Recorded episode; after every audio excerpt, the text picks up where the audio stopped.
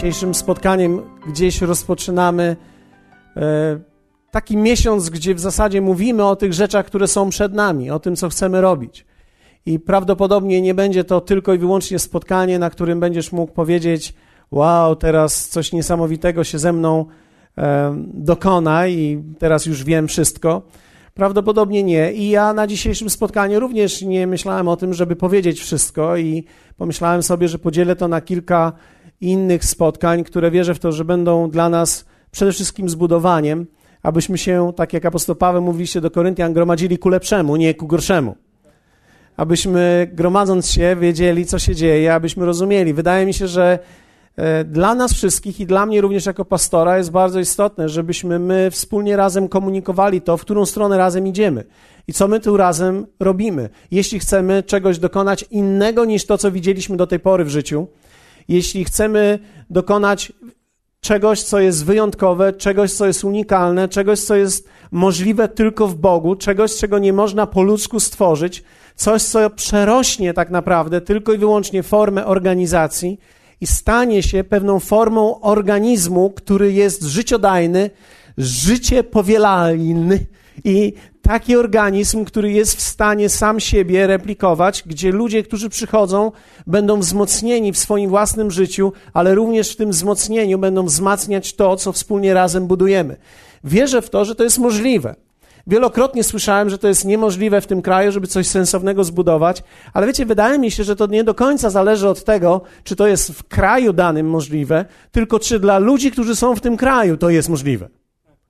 Czyli czy ty i ja myślimy, że coś można jednak w Bogu zrobić? Czy to słowo, które On wypowiedział, naprawdę działa?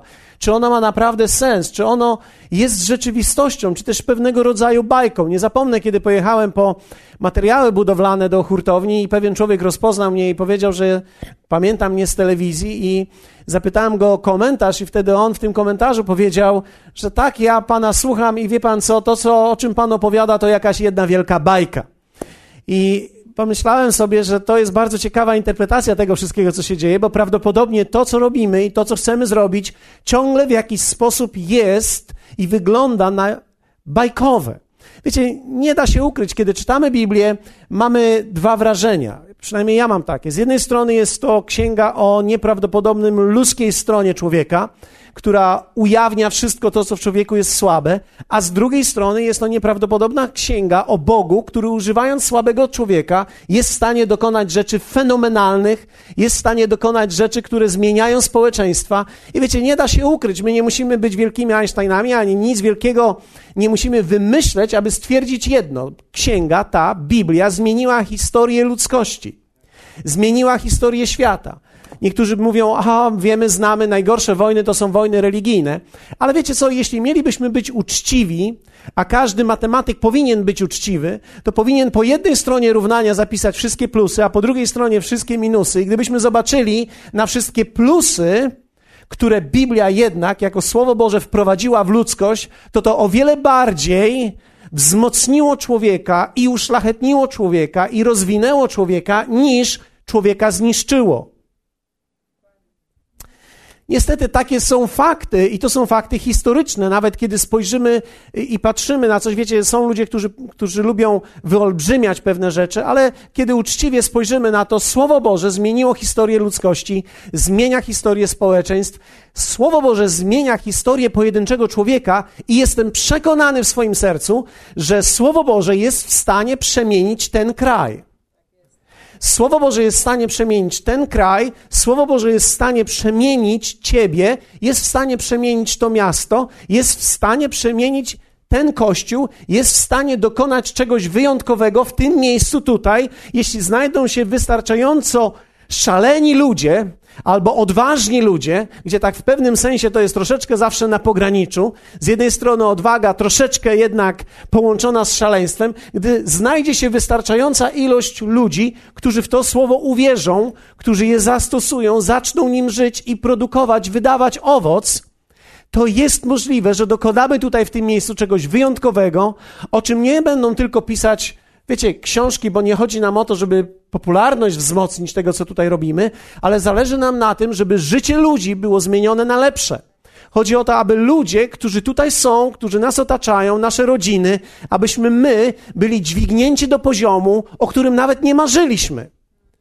I to słowo mówi nam, jak to może się stać. To słowo pokazuje nam, że to nie jest jednorazowy moment, że to nie jest coś, co się stanie na jednym spotkaniu, ale to jest pewien proces życia, w którym wszyscy uczestniczymy.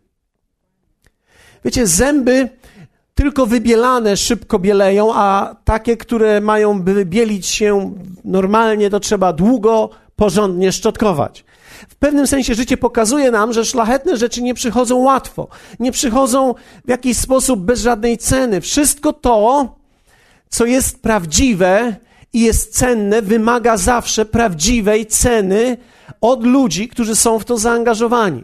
I ja jestem przekonany, że jesteśmy dzisiaj w pewnego rodzaju historycznym momencie, dla nas pięknym momencie i ważnym momencie, dlatego że mamy pewną historię, która jest już za nami, która daje nam pewnego rodzaju doświadczenie, ale w tym doświadczeniu dowiedzieliśmy się już bardzo wiele, jak rzeczy nie można robić i zobaczyliśmy, jak rzeczy można zrobić, jak można skonstruować. Mamy dzisiaj prawdopodobnie więcej zaufania i wiary w to słowo niż kiedykolwiek mieliśmy i mamy więcej instrukcji niż kiedykolwiek mieliśmy, więc jestem przekonany, że jesteśmy w najlepszym dniu, w najlepszym czasie, w przededniu wielkich rzeczy, które się będą działy. I kiedy mówię wielkie rzeczy, nie mam na myśli budowanie wielkich katedr, być może, bo one już są zbudowane. Nie mam na myśli budowania wielkich budynków, czy dokonywania może nieprawdopodobnych rzeczy tylko i wyłącznie na, na geografii czy na topografii miasta, ale wielkich rzeczy w postaci wielkich ludzi, którzy będą tworzeni, wielkich ludzi, którzy się staną pod wpływem tego słowa. Dlatego, że jestem przekonany, że to słowo, kiedy jest nie tylko czytane, ale kiedy my wchodzimy w to słowo, tak naprawdę ono staje się częścią naszego życia, dźwiga nas na zupełnie nowe poziomy, w których nigdy nie byliśmy. Ja mam ten głód, to pragnienie i wierzę w to, że to jest możliwe dla nas. W tym roku powiedzieliśmy sobie i odkrywaliśmy to w Bogu, że tak naprawdę mówimy o kościele. Kiedy mówimy o kościele, mówimy o domu i nawet to, co jest piękne, zobaczyłem, że na wielu parafiach pojawiła się również, pojawia się również to hasło, że Kościół moim domem.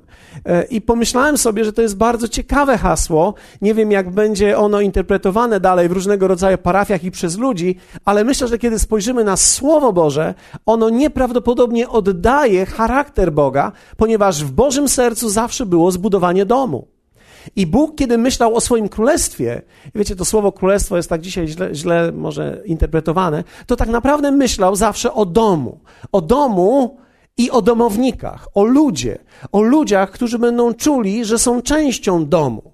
I kiedy patrzymy na Stary i Nowy Testament, a lubię czasami powiedzieć starszy i nowy, dlatego że kiedy niektórzy myślą, że stary to znaczy, że już się zdewaluował, nie, on się nie zdewaluował, on dalej ma swoją moc i on dalej jest aktualny, on po prostu zmieniło się przymierze. I przymierze, które zmieniło Stary Testament, tak naprawdę sprawia, że my dzisiaj patrzymy na Stary, czerpiemy wiele nauki ze Starego i patrzymy na niego przez pryzmat nowego. I wiecie, kiedy patrzę na to i Stary, i Nowy, i Starszy, i Nowszy, pokazuje nam, że tak naprawdę Bóg zawsze pragnął przyciągnąć ludzi do siebie i stworzyć domostwo, stworzyć dom. Wiecie, kiedy pomyślałem sobie, przyjeżdżałem któregoś dnia i zobaczyłem hasło na jednej z parafii, Kościół moim domem, pomyślałem sobie, dom nie każdemu kojarzy się dobrze. To wcale nie oznacza, że kiedy mówimy dom, wszyscy od razu czują ciepło i wigilię i siedzących przy stole ludzi, którzy się kochają. Wczoraj, kiedy siedziałem z moimi przy stole, każdy z nas siedział przy swoim komputerze, ja miałem słuchawki na uszach i, i Rafał akurat wszedł i zobaczył, co robicie? Ja mówię, że mamy wielką społeczność. Mamy wspaniałą wspólnotę. Każdy siedzi przy swoim laptopie, ten ogląda Facebooka, ten bawi się w coś, a ja robię coś zupełnie innego ze słuchawkami na uszach. Siedzimy przy jednym stole, siedzimy w krzesłach i mamy wielką wspólnotę przy jednym stole nikt z nikim nie rozmawia, nikt z nikim. Ja, ja myślę, że gdybym chciał porozmawiać z moją córką, wszedłbym na Facebooka i porozmawiałbym z nią ale o wiele trudniej jest spojrzeć na kogoś e, i, i zacząć dyskutować, bo to wymaga zupełnie innych narzędzi w sobie. Ale myślę, że nie o takim domu Bóg myśli. Nie, nie myśli o tym, że my przyjdziemy tutaj i będziemy przychodzili i budowali dom, gdzie ludzie widzą siebie, ale nie mają ze sobą nic wspólnego, ale budujemy dom, gdzie ludzie mają ze sobą wyjątkowe połączenia, połączenia, które są budowane i testowane przez lata, połączenia, które w jakiś sposób są rozwijane przez Niego i również intencjonalnie przez nas. Wiecie, kiedy rzucamy hasło dom i moim miejscem mój dom, i szczególnie kiedy jeszcze łączymy to z kościołem, to tak troszeczkę drastycznie brzmi. Niektórzy boją się może jakichś oznak fanatyzmu albo jakiegoś rodzaju sekciarstwa, ale tak naprawdę wierzcie mi, że w życiu Kościół i Boże życie i Boży dom powinien troszkę znaczyć więcej niż wyobraźcie sobie skojarzenie, które miałem ostatnio, że dla niektórych najlepiej by było, gdyby to było jak publiczna, bardzo dobrze zorganizowana toaleta, gdzie jest może tania, ale najlepiej, kiedy byłaby bezpłatna, gdzie każdy człowiek może wejść i po prostu z niej skorzystać wtedy, kiedy ma potrzebę. Dlatego, że my często traktujemy Boga i Kościół jako miejsce, w którym my załatwiamy nasze potrzeby. Wiem, że być może jest to mało eleganckie skojarzenie, ale czasami wydaje mi się, że kiedy spojrzymy to troszeczkę w kontraście, będziemy widzieli, że wielu ludzi być może tak żyje, ponieważ nigdy nie doświadczyli że oprócz potrzeb tego typu, każdy człowiek nosi w sobie o wiele głębsze potrzeby i że potrzebuje je zaspokoić równie ważnie jak te pozostałe. Ja nie chcę lekceważyć żadnych potrzeb, ale myślę, że żaden człowiek nie żyje tylko po to, żeby załatwiać swoje potrzeby, ale my żyjemy po to, żeby wspólnie razem łączyć się i przeżywać coś bardzo wyjątkowego. Kiedy myślę o domu, wiecie, różni ludzie mają różne skojarzenie z domem.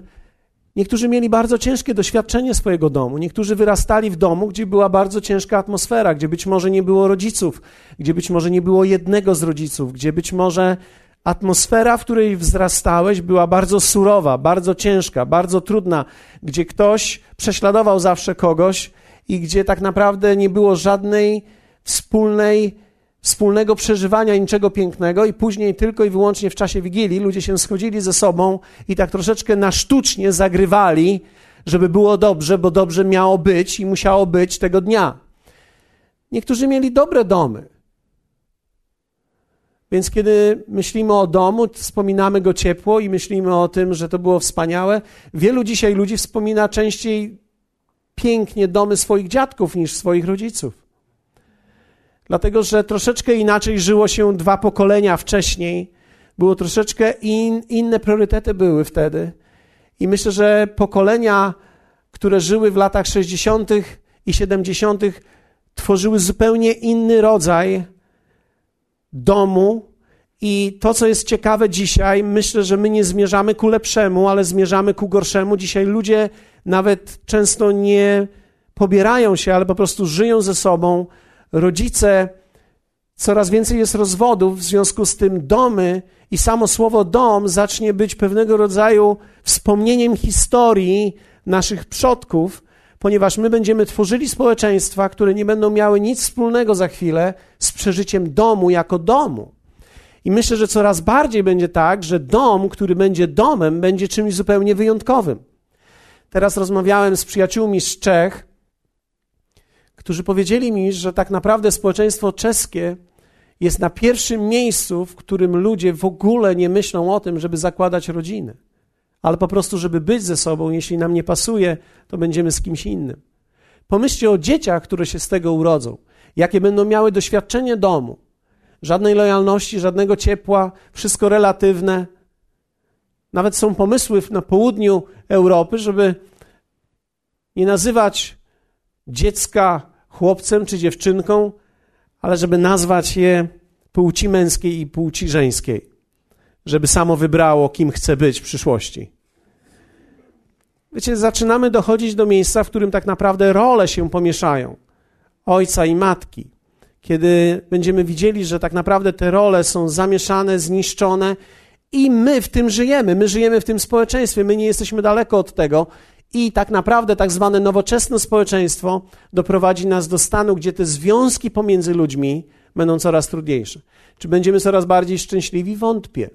Wydaje mi się, że kiedy człowiek nie zaznaje prawdziwego ciepła, kiedy nie zaznaje poczucia bezpieczeństwa, kiedy nie doświadcza czegoś, co jest prawdziwe, co zaspokaja gdzieś głęboko jego potrzeby, tak naprawdę umiera gdzieś w środku. I nie da się potrzeb zagubić, zniszczyć. One są gdzieś w nas głęboko. I my potrzebujemy zaspokajać je i będziemy zaspokajać je na różne potrzeby, przez różne rzeczy. Więc każdy z nas miał różny dom, różną rodzinę. Chyba nikt nie miał doskonałego domu. Myślę, że nawet moje dzieci, które wzrastają w domu chrześcijańskim, mogą powiedzieć: Mieliśmy fajny dom, ale on też nie był doskonały. Bo chyba tutaj nie o doskonałość do końca chodzi, dlatego że nawet kiedy one będą próbowały stworzyć swój własny dom, pierwsze z czym się zderzą, to jest to, że on nie będzie doskonały. Dlatego, że każdy z nas wnosi swój własny dom, swoją własną niedoskonałość, no i akurat tej niedoskonałości pozamiatać się tak szybko nie da, jak odkurzyć dom. Łatwiej dom odkurzyć niż odkurzyć siebie. To wymaga troszeczkę innych narzędzi i troszeczkę innych przyssawek. Ale wiecie, niezależnie od tego, dom był, jest i będzie Bożym marzeniem dla człowieka.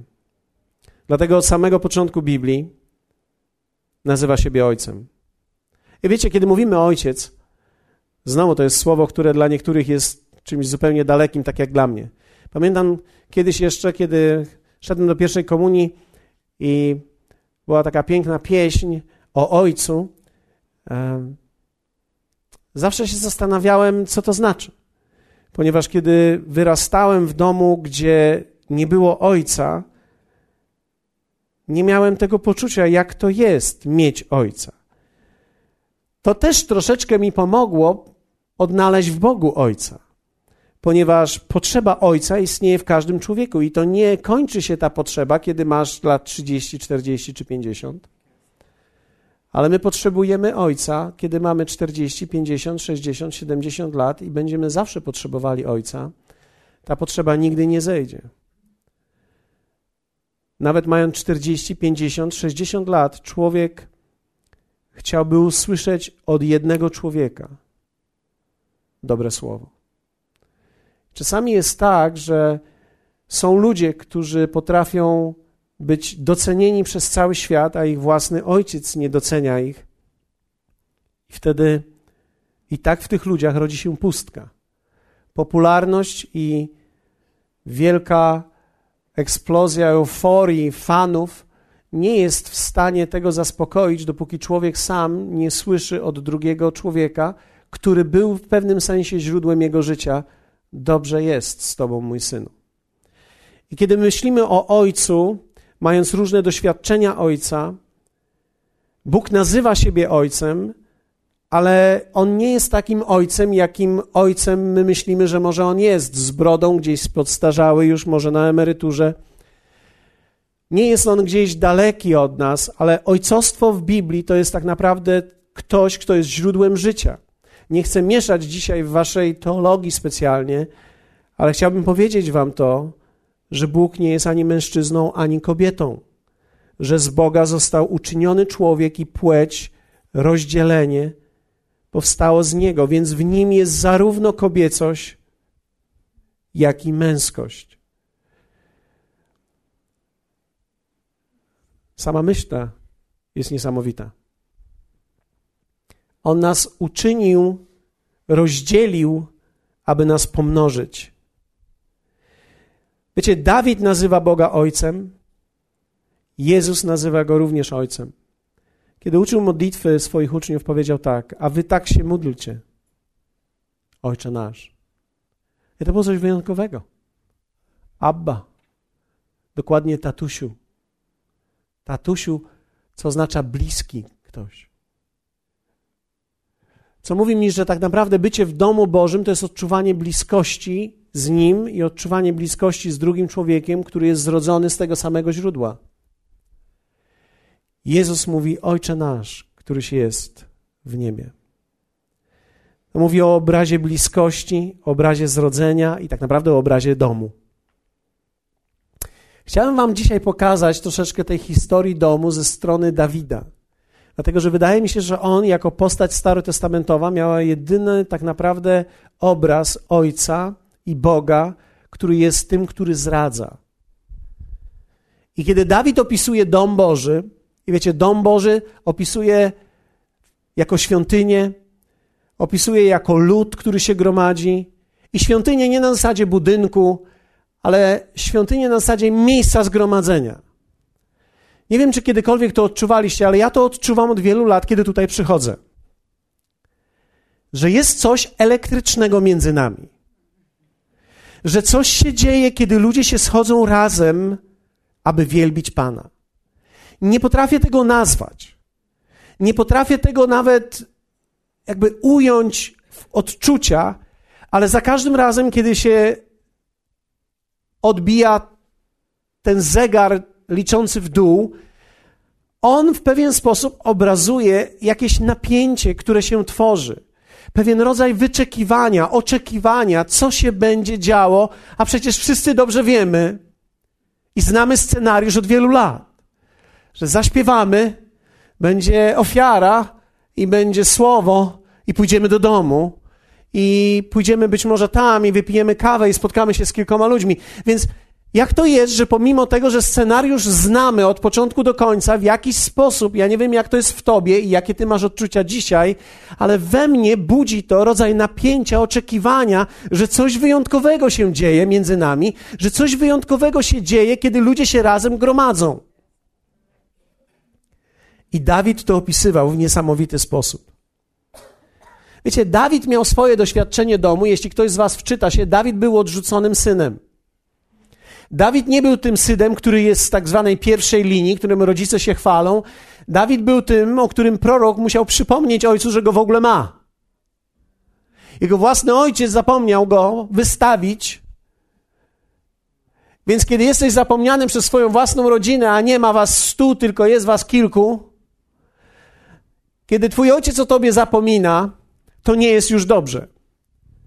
Dawid odczuwał to bardzo i gdzieś dla niego ten dom zaczął się z Bogiem w zupełnie innym miejscu niż dla większości ludzi.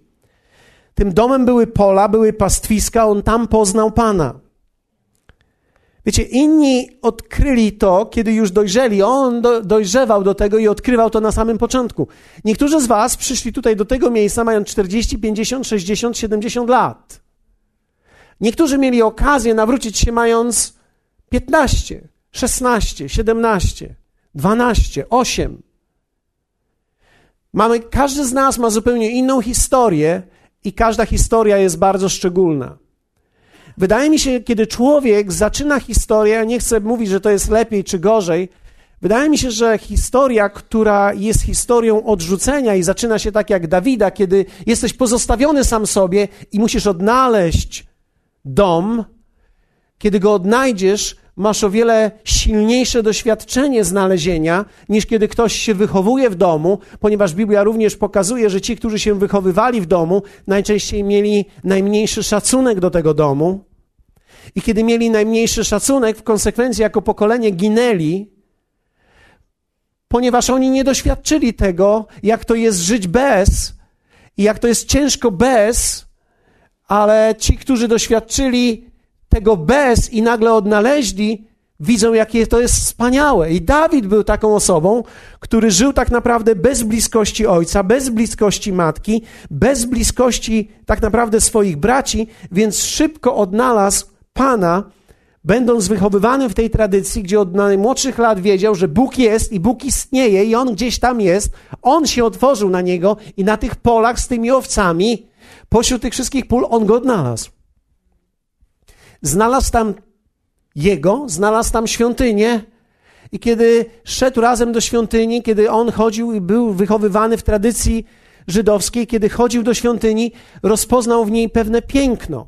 I dla niego Bóg nie stanowił pewnego rodzaju religii z dogmatami, ale rodzaj życia, który wybrał, który cenił.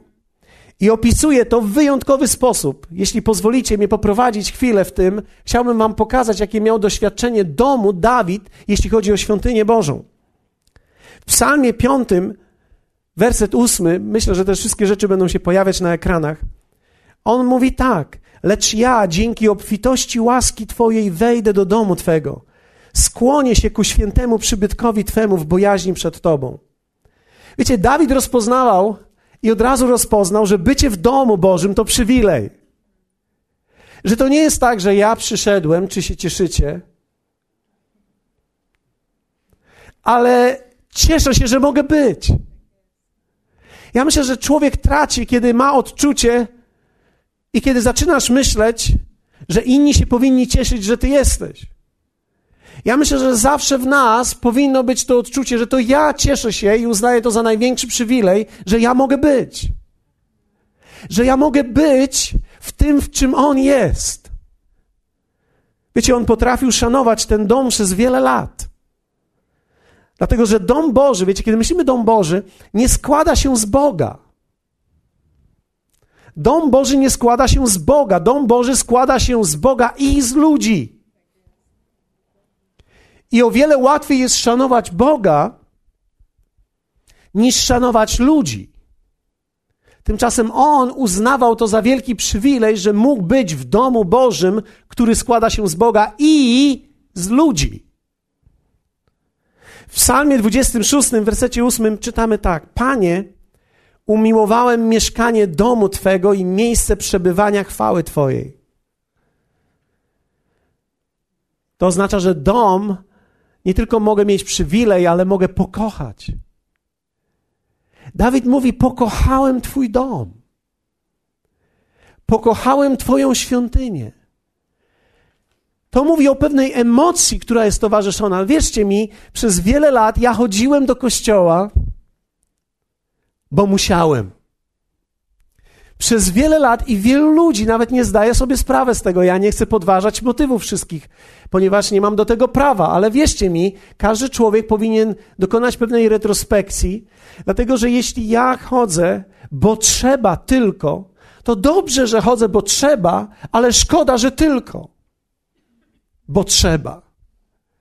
Dlatego, że ja wierzę w to, że może być coś i powinno być coś, co jest pewnego rodzaju emocją i uczuciem związanym, że ja chcę być. Że ja chcę być, uznaję to za przywilej i kocham to. Dom Boży można pokochać ze względu na Boga i Jego manifestującą się obecność i ludzi, którzy są. Wiecie, Bóg działa między nami, nawet jeśli my bezpośrednio tego nie widzimy. Wiecie, nasze życie może być pełne Boga, ale możemy mieć takie sezony i okresy, gdzie my tego nie widzimy, nie odczuwamy, ale On działa nawet jak my tego nie widzimy. Wiecie, w tym tygodniu dostałem kilka sygnałów od osób, które chcą być bliżej Pana niż kiedykolwiek były. I ja wiem o tym, ty może o tym nie wiesz, nie wiesz, teraz już wiesz, ale są ludzie, którzy w tym tygodniu podejmowali decyzję, aby iść za Bogiem, tylko dlatego, że pojawili się tutaj w tym miejscu i poczuli, że On tutaj jest. To oznacza, że kiedy nawet my nie czujemy, my tego nie widzimy, Bóg działa w sercach ludzi i to jest, myślę, wyjątkowe i niesamowite i to kocham.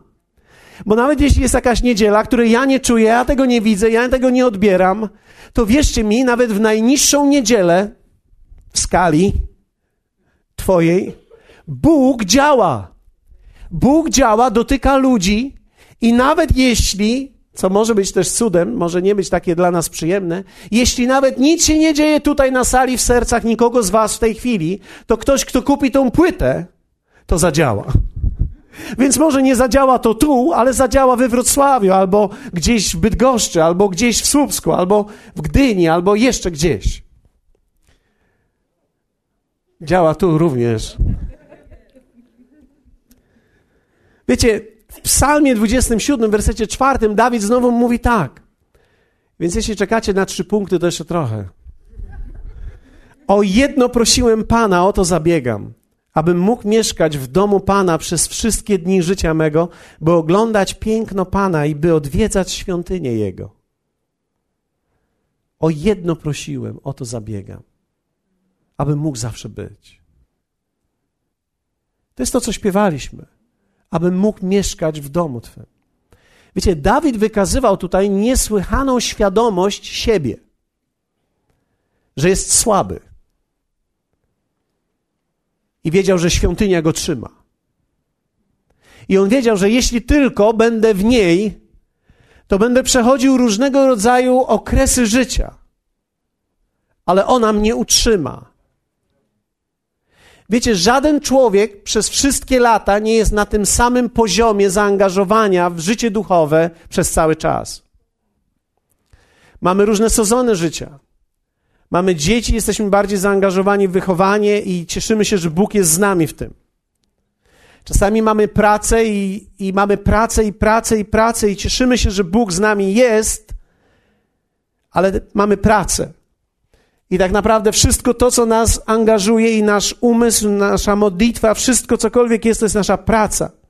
Mamy różne sezony, kiedy się budujesz, kiedy kup chcesz kupić mieszkanie, albo kiedy chcesz sprzedać mieszkanie, albo kiedy masz żonę i dopiero się pobraliście, to nagle ona stanowi dla ciebie wyzwanie.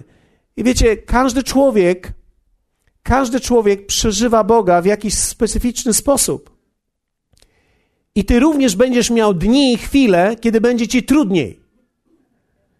I Dawid mówi: Modlę się tylko o jedno, żebym tylko zawsze mógł być. Dlatego, że jak tylko będę, to jest szansa, że On do mnie przemówi, jest szansa, że mnie podźwignie, jest szansa, że da mi życie, jest szansa, że Jego słowo do mnie dotrze, jest szansa, że Jego duch poruszy mnie i przyciągnie mnie do siebie. Jeśli tylko będę, czasami możesz przyjść i tylko się dociągnąć jako ten na wpół martwy i myślisz sobie, to nie zadziała, ale Dawid miał również taką świadomość, że jeśli tylko będzie, to jest możliwość, żeby to zadziałało. I wierzcie mi, będą spotkania w Twoim życiu, gdzie nie będziesz nic czuł, nic nie będziesz słyszał, nic nie będziesz jakby rozumiał, ale sam fakt, że jesteś, może Ci pomóc, bo Bóg może wejść i dokonać czegoś. Możemy mieć nawet serię takich spotkań, nawet miesiące, wątpię, że lata, ale możemy mieć nawet miesiące tak zwane suche. Tymczasem, jak tylko będziesz, Bóg ma dalej szansę.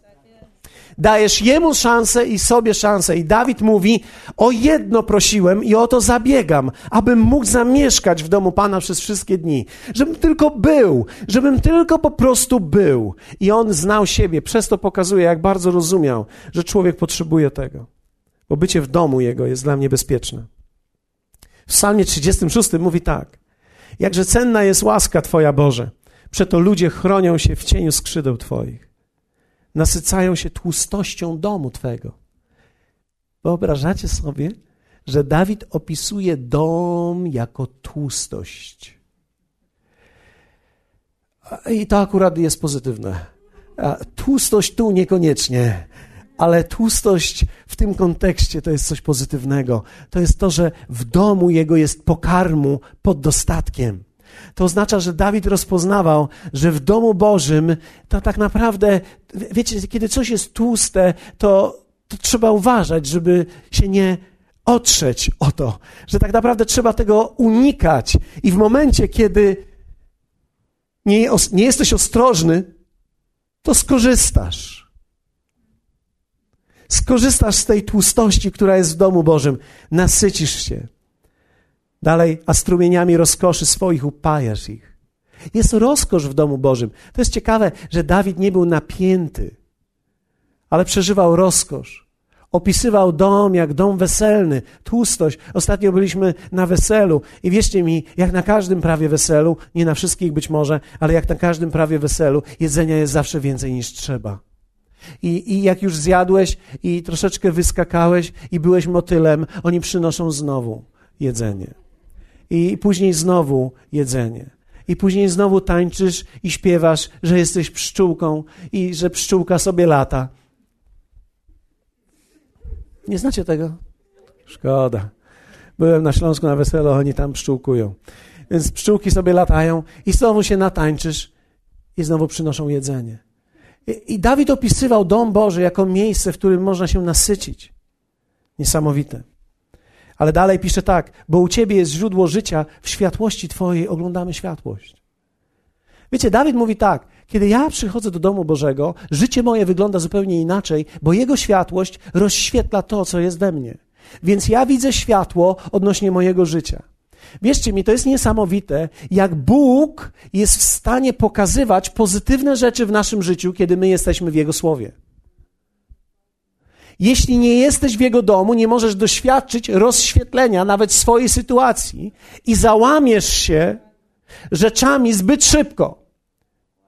A dom Boży ci pokaże, że nie jest tak źle, że z tobą nie jest tak źle i że nie ma tak trudnej i tak ciężkiej okoliczności, której Bóg nie byłby w stanie podnieść, zmienić, uzdrowić i dokonać czegoś wielkiego. Mimo tego, że wygląda to dzisiaj bardzo źle, to kiedy On rozświetla nad tobą swoje słowo, nagle ty widzisz, że to jest możliwe i że wszystko jest możliwe i że coś może się stać. I to jest piękne, bo to jest w słowie i to jest prawdziwe. W Psalmie 66 Dawid mówi tak: Dlatego wejdę do domu Twego z całopaleniem, dopełnię Ci ślubów moich. Wiecie, to był jego dom, Dawida dom, ale to był przede wszystkim Boży dom. I Dawid rozpoznaje to. I on mówi: Nie wejdę tam z pustą ręką. Inaczej mówiąc, Jestem odpowiedzialny za dom i buduję go słowem. Zobaczcie, on mówi: Ja nie wejdę z pustą ręką, ale również mówi: Wypełnię moje usta pozytywnie. Mówię: wypełnę, wypełnę, wypełnię moje śluby, czyli będę budował mój dom słowem. Właściwym słowem. Czy wiecie, że małżeństwo można zniszczyć złym słowem? W momencie, kiedy ty z żoną mówisz słowo rozwód, to nie jest już dobrze. Dlatego oczywiście, że do tego się dojrzewa i że słowo rozwód nie jest od razu, ale czasami można wyprzedzać negatywne i budować zbyt szybko negatywne, i można zniszczyć coś, co mogło być pozytywne. I nawet jeśli, wiecie, dwoje ludzi przeżywa trudny moment i trudną chwilę, to jeśli tylko nie zniszczą tego słowami i siebie słowami, są w stanie wyjść z każdej choroby między nimi. Dokładnie to samo jest w kościele. Można zniszczyć siebie i swoje bycie w kościele złym mówieniem o kościele, złym mówieniem o czymś, co jest moim domem, bo tak naprawdę to jeśli to jest mój dom, ja chcę go chronić i nawet jeśli coś jest złego, ja chcę to rozwiązać, ale we właściwej postawie bo można wiele zniszczyć, kiedy mówimy złe rzeczy. Ale można też wiele zbudować, kiedy mówimy dobre. To, co mówisz, jest kluczem. W Psalmie 68 mówi tak: Ojcem sierot i sędzią wdów jest Bóg w swoim świętym przybytku. Bóg samotnym daje dom na mieszkanie, wyprowadza więźniów na wolność, lecz oporni pozostają w ziemi suchej. Wiecie, to jest dom dla ludzi, którzy są zranieni w swoich naturalnych relacjach. My widzimy, jak Kościół i wspólnota jest nieprawdopodobnym uzdrowieniem dla ludzi, którzy w swoim życiu są zranieni w relacjach. Przychodzą do nas ludzie, którzy są samotni. Nawet jeśli nie są samotni, samotni, to są samotni, ponieważ nikt ich nie rozumie czasami.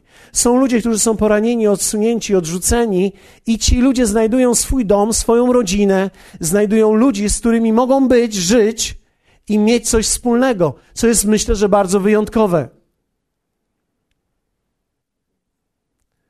Czasami tak jest, nie zawsze tak musi być, ale czasami tak jest, że rodzina może nie mieć tak silnego wpływu na ciebie, jak związki i relacje, które są powstałe właśnie tutaj, we wspólnocie, w domu Bożym, w świątyni. To jest dom dla tych, którzy są samotni. Ale również w tym domu Dawid pisze, jest uwolnienie. Możesz być uwolniony i uwalniany. I muszę Wam powiedzieć, że to jest również historia mojego życia, ale ludzi, z którymi jestem blisko. Bo muszę powiedzieć jedną rzecz, że kiedy ja wszedłem do tego domu i kiedy wszedłem do domu Bożego, nie wiedziałem, jak, z jak wielu rzeczy będę Bóg, Bóg, jak będzie Bóg musiał mnie uwolnić. I będąc w tym domu, przeprowadza mnie przez proces uwolnienia z wielu rzeczy. I dziękuję Bogu za to. Nie jestem jeszcze całkowicie wolny, ale jestem o wiele bardziej wolny niż kiedykolwiek byłem.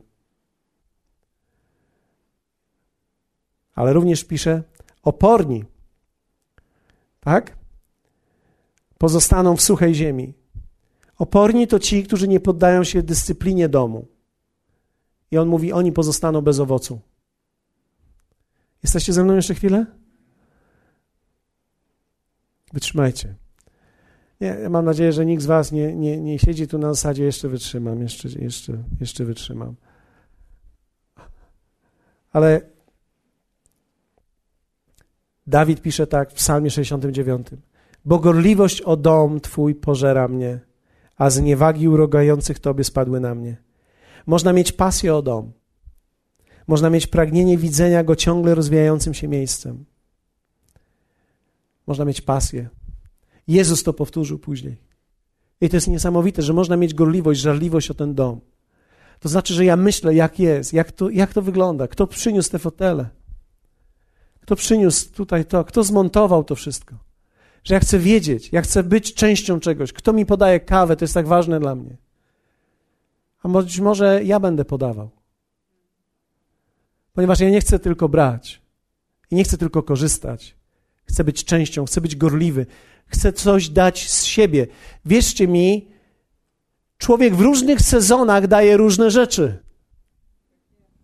Nie w każdym sezonie będziesz tak samo aktywny, ale w każdym sezonie możesz dać coś, co wykazuje, że kochasz miejsce, że kochasz dom, że kochasz ludzi i chcesz pomóc im.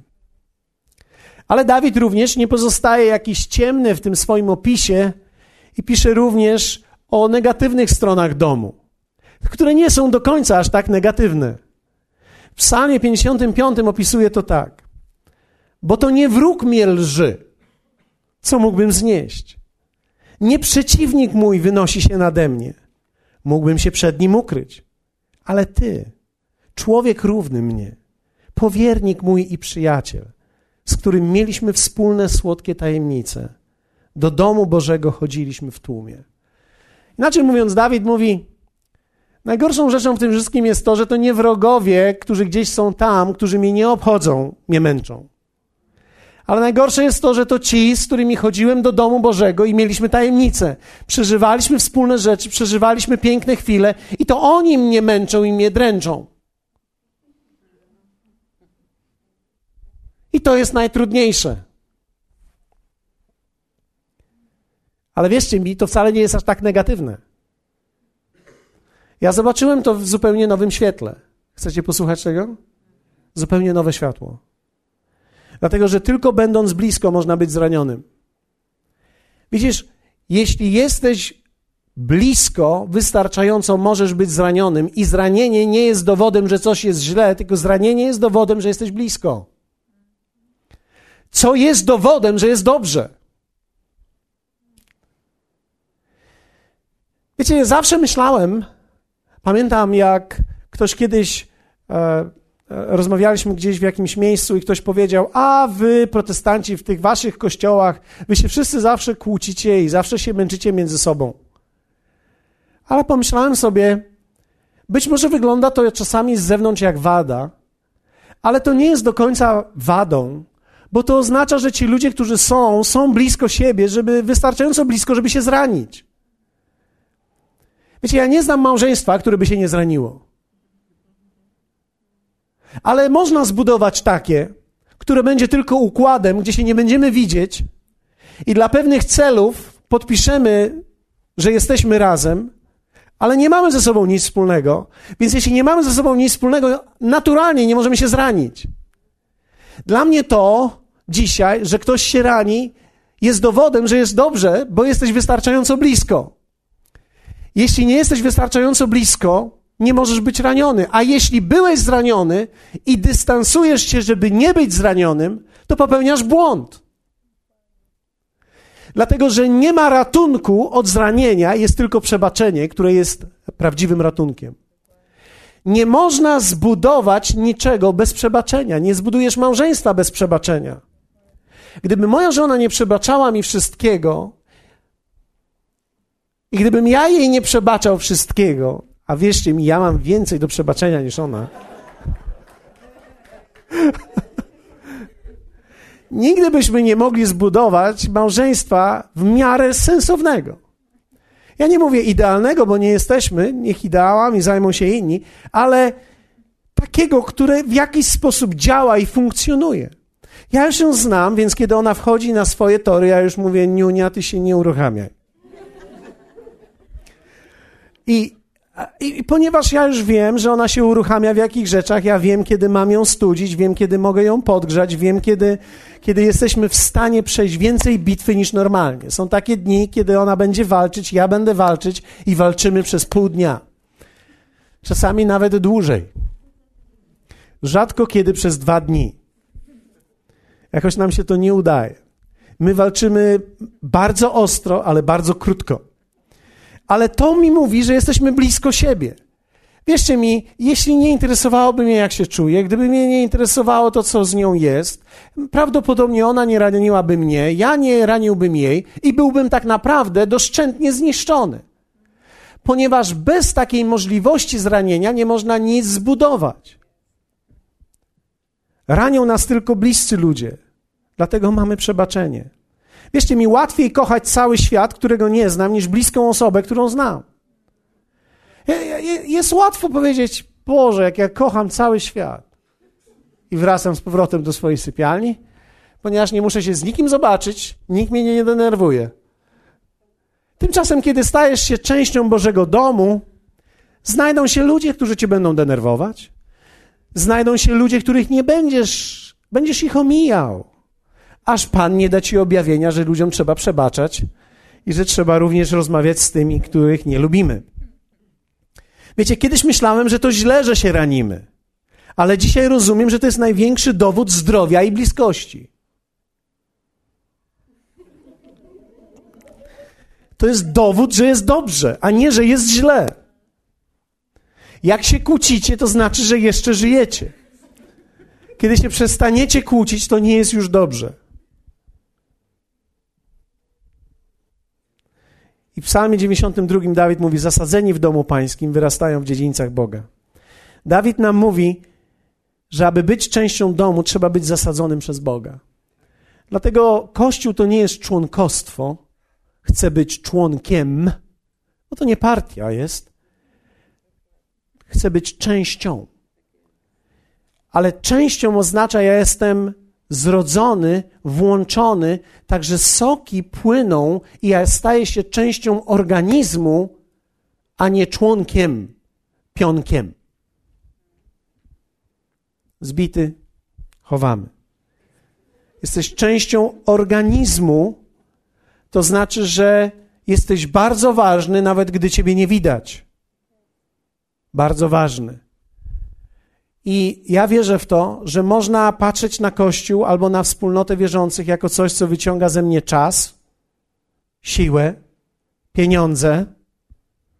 Festiwal powinien tu być aniołów teraz.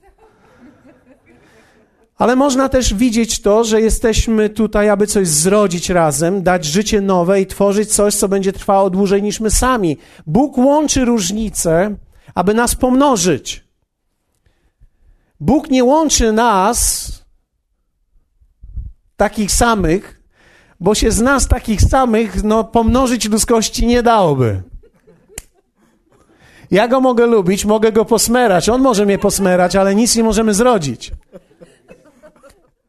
Więc w życiu nie chodzi o smeranie, w życiu chodzi o zrodzenie, dlatego Bóg łączy różnice po to, aby coś zrodzić. Tak samo jest ze wspólnotą, Dlaczego my jesteśmy tutaj razem, a dlaczego nie jest tak, że każdy z nas mógłby pójść do domu i wielbić sobie Boga w domu, przeczytać tą samą Biblię, nawet może na Skype'ie się spotkajmy i przez internet poczytajmy? Dlaczego musimy być razem? Bo razem, kiedy jesteśmy połączeni, kiedy wspólnie razem nie tylko siedzimy, ale wspólnie razem coś budujemy, w ten sposób z tych różnic my tworzymy i pomnażamy coś, i to sprawia, że możemy zrobić o wiele więcej niż Ci sami ludzie rozproszeni w pojedynkę. Budujemy coś, aby kolejne pokolenie, które przyjdzie tutaj, będzie przekazywać dalej i opowiadać o nim te dzieła, które on uczynił w moim życiu i w Twoim życiu. Hmm, tak to będzie. I teraz powiem Ci parę słów do Ciebie, do każdego z Was. Teraz wyobraźcie sobie, że siedzę naprzeciwko Ciebie i mówię dokładnie to do Ciebie. To będzie kosztowało cię całe życie. Nic więcej nie mamy do dania jemu. Zawsze chodziło tylko o to, aby po, co posiądzie twoje życie, co pochłonie ciebie. Wyobraźmy sobie, że nie mamy czwartków, nie mamy niedziel, nie mamy spotkań, nie mamy nic. Życie bardzo szybko się rozciągnie i będziesz. Poczytasz trochę więcej w czwartek, obejrzysz trochę więcej filmów. W niedzielę trochę dłużej pośpisz. Będzie ci troszeczkę lżej pod pewnymi względami, aż do momentu, kiedy znowu poczujesz, że jest ci ciężko.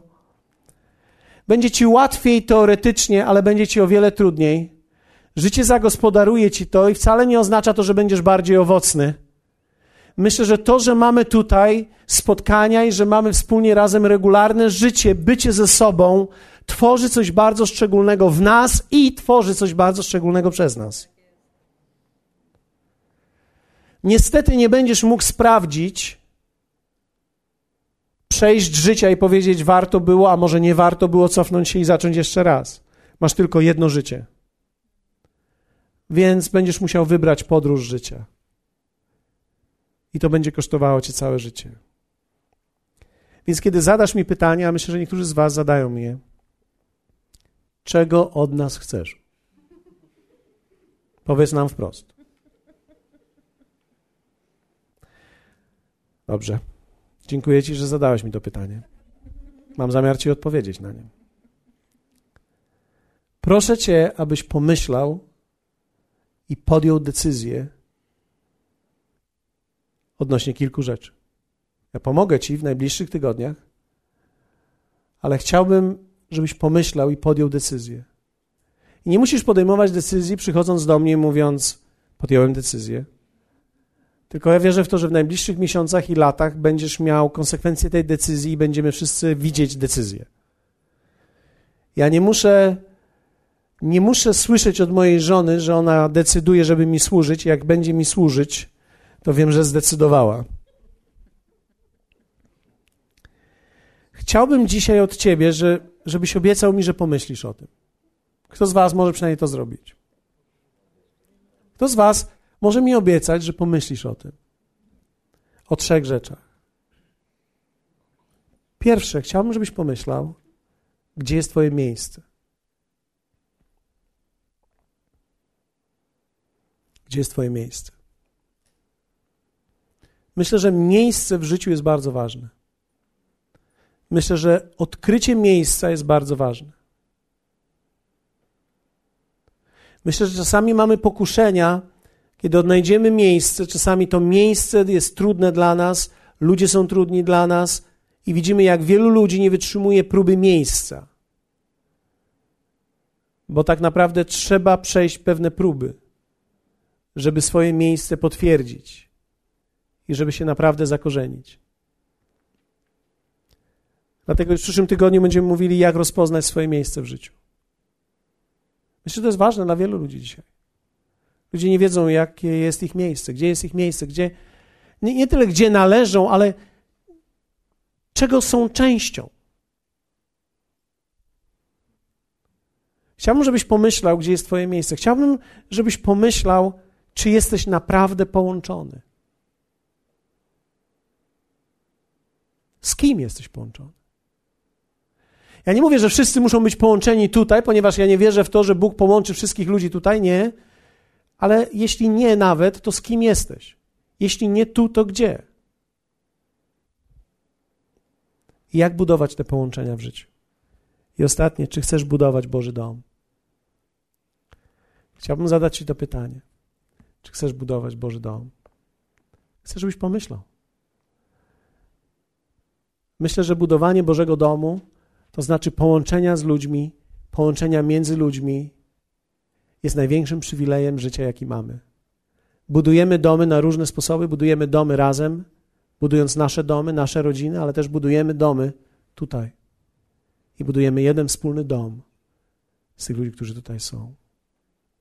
I budujemy ten dom, wiecie dlaczego? Bo wierzymy w to, że wielu ludzi w tym mieście jest bez domu, bez duchowego domu. Poproszę, abyście podeszli. Wiecie, jest wielu ludzi, którzy nie mają domu. I ktoś może powiedzieć, jest wiele mieszkań w Koszalinie. Tak, jest wiele mieszkań, wiele domów, wiele się może buduje nawet, ale jest wielu ludzi, którzy nie mają domu, nie wiedzą, gdzie należą, nie wiedzą, czego częścią są, nie mają duchowych domów. I tutaj również chciałbym powiedzieć, zastanawiałem się nad tym, ale chciałbym powiedzieć parę słów do tych ludzi, którzy przyszli do nas, a przyszli do nas z innych domów i byliście w innych domach, a dzisiaj jesteście tutaj i zastanawiacie się, co się dzieje tutaj. Po pierwsze, chciałbym powiedzieć Wam, że bardzo Was szanuję za to, że dalej wierzycie w Boży dom. Dlatego, że zdaję sobie sprawę z tego, że bardzo łatwo byłoby odrzucić zupełnie wszystko i powiedzieć sobie, że już nie wierzę w nic, i powiedzieć sobie, ja już daję sobie spokój ze wszystkim, a jednak wy, coś was jest bardzo wyjątkowego, co mówi: wierzę w Boży dom, wierzę w to, że muszę być, że muszę gdzieś być częścią i myślę, że to się Bogu podoba. I chciałbym powiedzieć Wam, że ja również wierzę w to i doceniam, że wybraliście to miejsce, być może z różnych przyczyn, nie zawsze bezpośrednio z miłości, czasami z geografii. Wybraliście ten dom jako, jako Boży dom. I mówicie, chcemy spróbować. Szczerze mówiąc, kiedy słyszę, że ci, którzy się nie odnaleźli w tym domu i nie wierzą już w żaden dom i są w domach bez domów, strasznie mi jest przykro, ponieważ wolałbym, żeby ci ludzie nie przekreślali chrześcijaństwa i nie przekreślali życia z Bogiem w połączeniu z innymi, ale żeby stali się częścią nawet innego domu, ponieważ wierzę w to, że tak jak Dawid mówi, że jeśli tylko będę częścią gdzieś, to Bóg do mnie będzie przemawiał i Bóg jest w stanie coś uczynić w moim życiu i dokonać czegoś wy, wy, ważnego i w dalszym ciągu pociągnąć mnie. Dlatego ja nie wierzę w to, że ludzie, którzy czasami z tego domu idą do innego domu, są straceni. Ja myślę, że ci ludzie dalej poszukują i to jest w porządku i to jest wspaniałe. I ja cieszę się i szanuję, że dalej są i wierzą, że Bóg jest dla nich na pewno priorytetem w życiu. Ale wierzę w to, że jest mnóstwo ludzi, którzy nigdy nie zaznali duchowego domu i nigdy nie doświadczyli tego duchowego domu, budowania wokół słowa, budowania wokół niego. I myślę, że dla tych ludzi to robimy i tutaj budujemy to. I moje pytanie jest, czy chcesz być częścią tego domu i chcesz budować ten dom? Nie chcę, żebyś odpowiedział mi dzisiaj tak czy nie. Chciałbym, żebyś o tym pomyślał. Nie sądzę, że decyzje powinny być podejmowane pod wpływem jakichś emocji. Myślę, że decyzje powinny być, bo one kosztują nas życie powinny być podejmowane dłużej. Ale chciałbym, żebyśmy teraz wspólnie razem powstali. Ja byś stanął przed Nim i obiecał mi, że pomyślisz o tych rzeczach. Ja zrobię wszystko, co jest możliwe, żeby Ci pomóc tak, jak tylko potrafię, aby Ci pomóc rozpoznać swoje miejsce w życiu aby Ci pomóc zobaczyć, czy jesteś naprawdę połączony i jak możemy być połączeni, że potrzebujemy w życiu więcej połączeń niż tylko jedno. Ja byś pomyślał, czy chcesz budować Boży dom dla innych.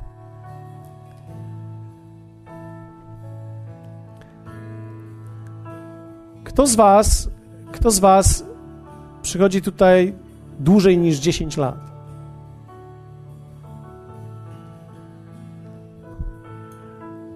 Ja myślę, że nie mamy żadnych wątpliwości, jeśli chodzi o nasze życie, że warto było. A z drugiej strony, patrząc na tych ludzi, których może nie znamy, i widząc, jak oni dzisiaj mogą być w tym miejscu, w którym my byliśmy 10 lat temu, możemy powiedzieć: warto jest. nie tylko warto było, ale warto jest. Warto jest tworzyć dom dla ludzi, którzy tego domu nie mają. I warto jest budować wspólnie razem dom, bo to zawsze było w Bożym sercu. Chciałbym, żebyśmy przez chwilę uwielbili Go. Mamy dwie minuty jeszcze. Chciałbym, żebyśmy znieśli nasze ręce i powiedzieli Jemu, jak bardzo chcemy rozpoznać Jego dom, jak bardzo chcemy rozpoznać Jego głos, jak bardzo chcemy rozpoznać to, co On czyni w nas. Panie, proszę Ciebie, abyś dokonał czegoś wyjątkowego w tym miejscu. Proszę Ciebie, abyś połączył ludzi. Proszę Ciebie, abyś umożliwił nam dojście do tych, którzy dzisiaj potrzebują, aby oni mogli usłyszeć, że jest dla nich dom, że jest miejsce, że są połączenia, że mogą wzrastać, że mogą doświadczać rozwoju swojego życia i wzmocnienia w swoim życiu, że jest miejsce, w którym oni mogą rozpoznać nadzieję i zobaczyć, kim są. Proszę Ciebie, o tych wszystkich, którzy są włączeni tutaj, abyś wzmocnił ich, ich serca, ich życie. Dziękuję Ci, Ojcze, za tych, którzy od lat są tutaj i którzy przez wiele lat dawali siebie i z siebie, żebyśmy dzisiaj mogli być tutaj w tym miejscu. Dziękuję Ci za tych, którzy być może dzisiaj w naszych oczach wyglądają jak weterani, ale oni budowali to miejsce i budowali tych ludzi, którzy dzisiaj są tutaj i tych, do których jeszcze nawet nie dotarliśmy, oni przygotowali to miejsce. Dziękuję Ci, Ojcze, również za tych ludzi, którzy budowali to miejsce i których dzisiaj tutaj nie ma. Dziękuję Ci za ich wkład i za to, że oni byli w danym czasie tą częścią, która pomogła dotrzeć nam do tego miejsca, abyśmy mogli wspólnie razem sięgnąć dalej i zrobić więcej dla Ciebie. I pomóż ludziom odnaleźć ich miejsce i ich dom w imieniu Jezusa. Hallelujah. Chciałbym powiedzieć dla tych z Was, którzy odwiedziliście nas dzisiaj, że to może być miejsce, które możesz odwiedzać, kiedykolwiek będziesz chciał. Przyjmiemy Ciebie z radością tutaj. Nie musisz w tej chwili nic robić, po prostu cieszymy się, że jesteś i wierzymy, że Bóg będzie działał w Twoim życiu i będzie dokonywał wielkich rzeczy w Twoim życiu, bez względu na to, jaka będzie dalej Twoja historia. I wierzę w to, że Bóg buduje tutaj coś wielkiego i wyjątkowego, że buduje swój dom.